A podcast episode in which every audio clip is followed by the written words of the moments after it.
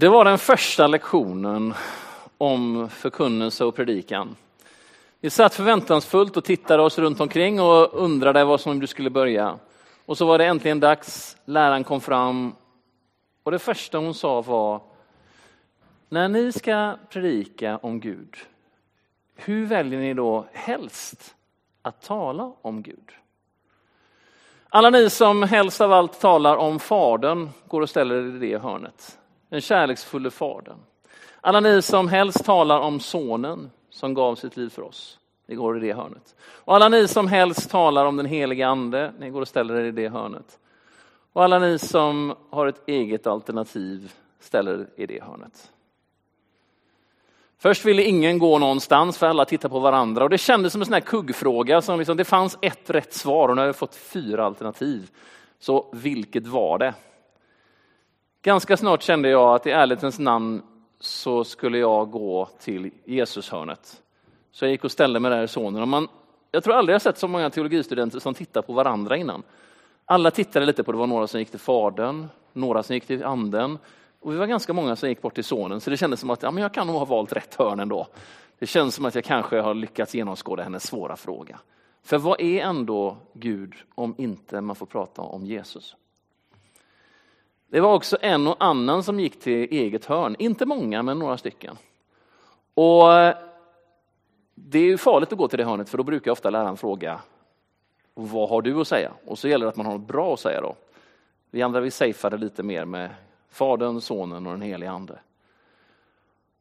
Men det var ingen av oss som fick förklara varför vi valde de olika ställena.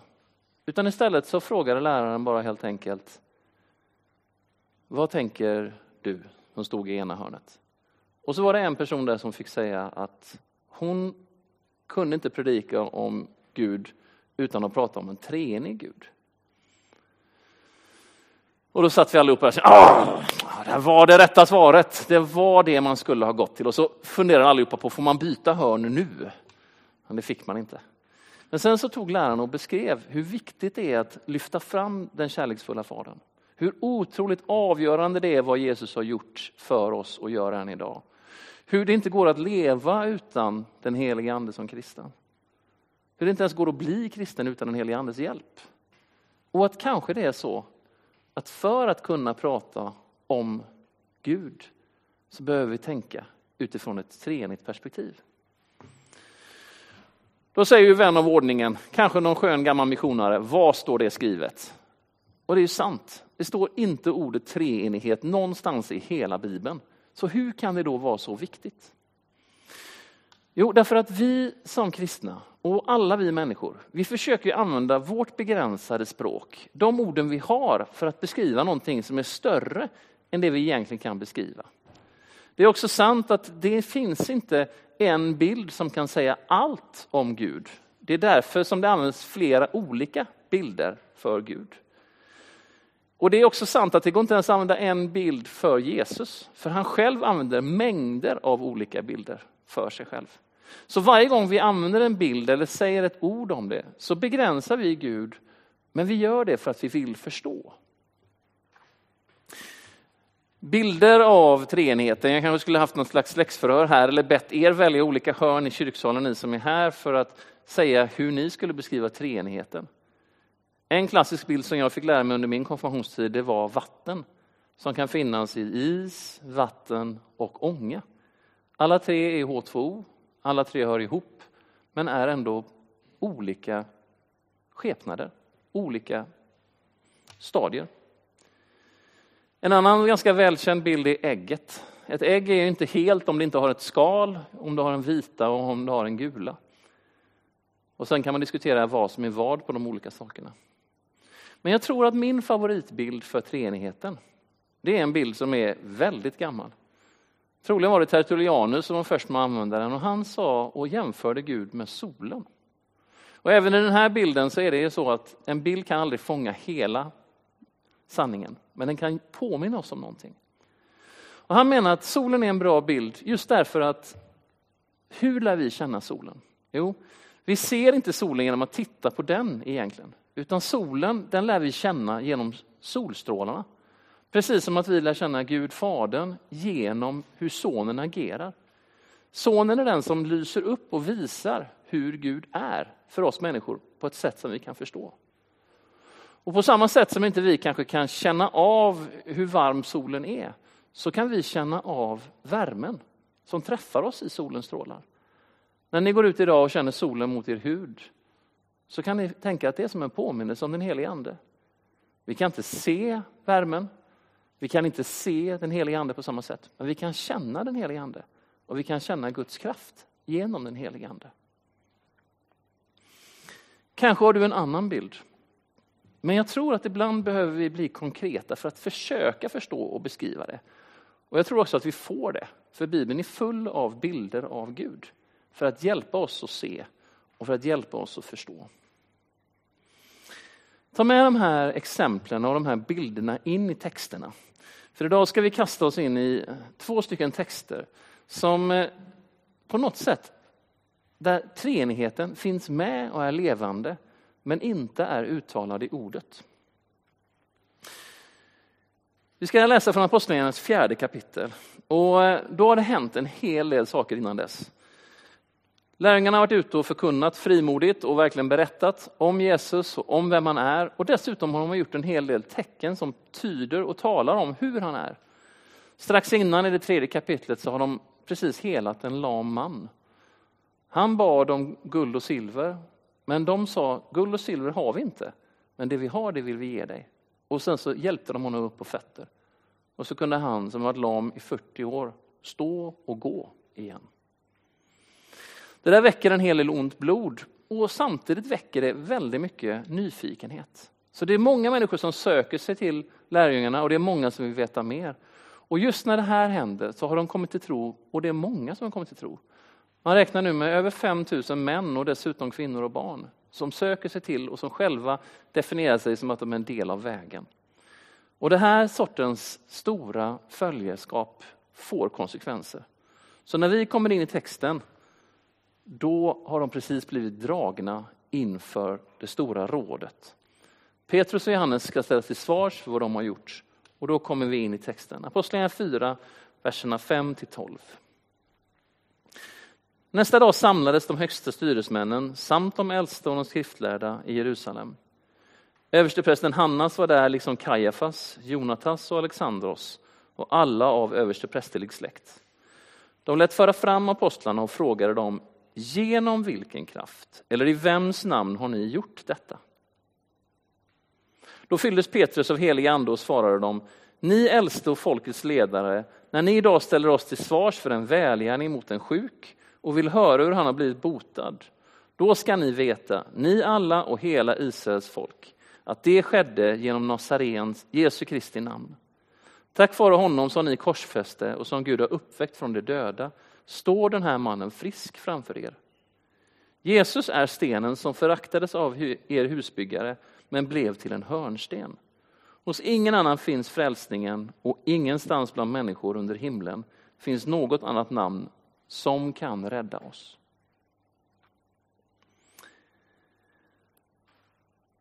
Nu kanske ni tänker att det här är vilket råd som helst och lärjungarna är modiga som vanligt. Men det här som händer just nu, det här är ett dramatiskt skeende i den tidiga kyrkan. De har varit med och fått göra någonting väldigt gott, de har fått vara med och göra någonting stort. Och nu ställs de inför ett råd, och inte vilket råd som helst, utan det är det stora rådet. Och då ska ni veta att det är samma råd som dömde Jesus till korsfästelse. Det här är samma råd som redan har mött Jesus och som har anklagat honom och som till och med har sänt honom till döden. Så när de står där till svars inför hela rådet så vet de att de riskerar absolut döden. Om de var så brutala mot Jesus, vad kan de då inte göra med hans lärjungar? Och om ni märkte det så var det flera namn som räknades upp. Det var för att markera att det här är de högsta männen i det judiska rådet. Det här är de största företrädarna och det är också samma namn som även fanns med och dömde Jesus. Så när de står där så har de alla orsaker att vara rädda och vara oroliga. Men då står det att det händer någonting. Det står att Petrus fylls av den helige ande. Jag vet inte om du upplevt det på det sättet någon gång och, och jag har aldrig någonsin stått inför något stort råd eller så. Men jag har vid flera tillfällen då jag har fått ärliga men svåra frågor om min tro kunnat känna att det är någon annan som nästan påminner mig. Som nästan lägger orden i min mun eller som påminner mig om en bild eller som hjälper mig att formulera mig. Och det är det som Petrus råkar ut för nu på ett fantastiskt bra sätt. Han fylls av helig ande står det. Och han börjar berätta och han kunde ha valt det som vi ofta gör och minska skillnaden och säga att ni som är vina judiska män, ni hade ju lite problem med Jesus, men vi är ofarliga. Vi, vi följer honom lite och vi hänger på ibland och vi gör bara de snälla sakerna, ni vet, upprättar eh, lama och sådär. Vi gör ingenting annat som kan vara jobbigt för er eller för er makt. Men det gör han inte. Han svarar inte alls så, han döljer inte budskapet ett ögonblick, utan istället är han väldigt rak och säger mannen som ni korsfäste. Det är i hans namn vi gör detta. Istället för att ducka eller växla med budskapet till småmynt så låter han den här goda händelsen som fick hela folket att glädjas, att en lam man hade blivit frisk. Och så lyfter de upp det och säger, det beror på Jesus. Och så lyfter de fram det istället. Jag tänker att ibland så kanske inte vi känner att det där modet finns hos oss, men ibland tror jag att det finns ingen bättre bön än att mitt i ett jobbigt samtal eller mitt i en gång då du saknar ord, när du vill att beskriva din egen tro eller din egen relation med Jesus, så kan den här bönen, helige Ande hjälp mig nu, vara det kanske bästa vi kan göra. Det står och talas om Jesus som hörnstenen. Där citeras Gamla testamentet. Och en hörnsten är någonting som inte vi pratar så mycket om idag, men en hörnsten är en speciell sten som i stort sett sätter riktningen och som också gör att hela huset vilar på den. Hörnstenen är avgörande för att huset ska se ut som det gör, men också att det ska hålla. Att det ska vara bärkraftigt. Och istället för att förminska Jesus roll i det här undret som har skett, så lyfter de fram det och säger att den där stenen som ni ratade, det har blivit en hörnsten. Och det är Jesus som är det. Här ser man heller ingen tydlig uppdelning, att man säger någonting om att en helig ande ville göra detta, men de ville göra det. Utan här handlar det om att vittnesbördet om Jesus följs av den helige ande. Och jag tror att på många sätt och vis så kan vi ibland förklara det eller förstå det som att Jesus berättar för oss vem Gud är. Hurdan Jesus är säger oss någonting om hur Gud är. På många sätt och vis. Och den helige ande är nog den som kanske på ett tydligt sätt svarar för oss. Hur ska det gå till? Hur ska vi klara av detta? Jo, genom den helige Ande. På samma sätt som att den helige Ande är det som värmer oss och ger oss kraft att våga. Som Petrus var med om nu och som vi kan få vara med om också. Rådet var de mest uppsatta, de mest lärda som fanns i hela det judiska folket. De var ju verkligen begåvade till att prata. De var de som verkligen skulle kunna sätta stopp för de här. Tänk er själva att det här, de här lärjungarna, de hade inte fått massa teologisk utbildning eller så. De hade aldrig gjort fyra hörnsövningar på olika teologiska seminarium runt om i världen. De hade fått lyssna till Jesus och gått nära honom. Det var troligen tonåringar, unga män helt enkelt, som kommer dit in och som de alla ser, de här är obildade, de har aldrig gått några fina skolor som vi har gjort. Och ändå så lämnar de faktiskt rådet svarslösa, står det.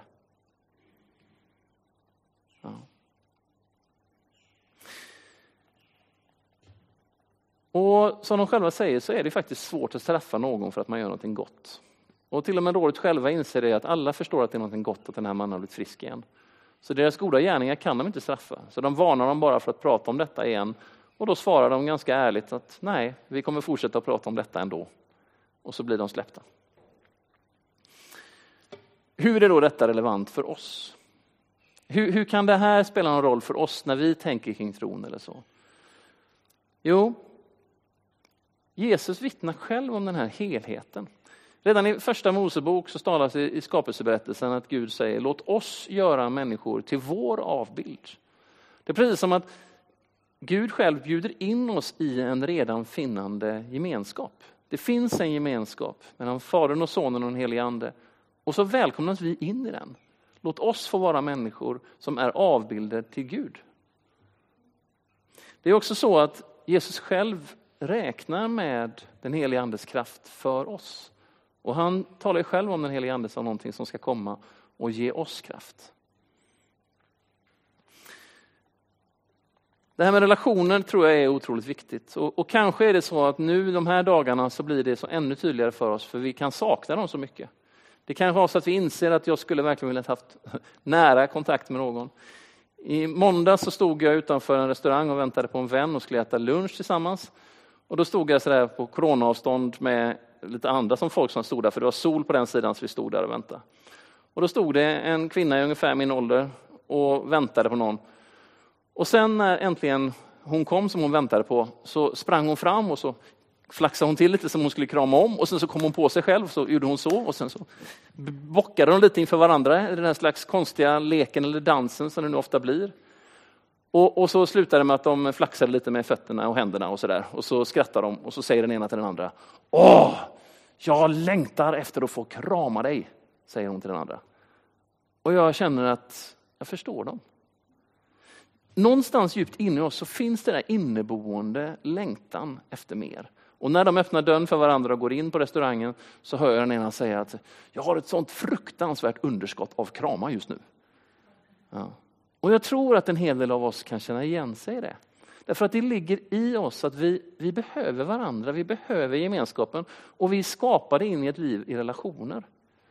Och visst är det då häftigt att till och med från första boken i Bibeln så talar Gud om att han vill skapa människor till vår avbild, in i en gemenskap. Det är det som driver det närmare. Gäller då detta bara oss när vi är stora och starka och när allting funkar bra? Nej, långt därifrån. I alldeles avslutning på Matteusevangeliet, när Jesus snart ska lämna sina lärjungar och när han kommer sända den helige ande till dem efteråt, så har han ett slags avskedstal som vi ibland kallar för missionsbefallningen. Det hämtar från Matteusevangeliets 28 kapitel.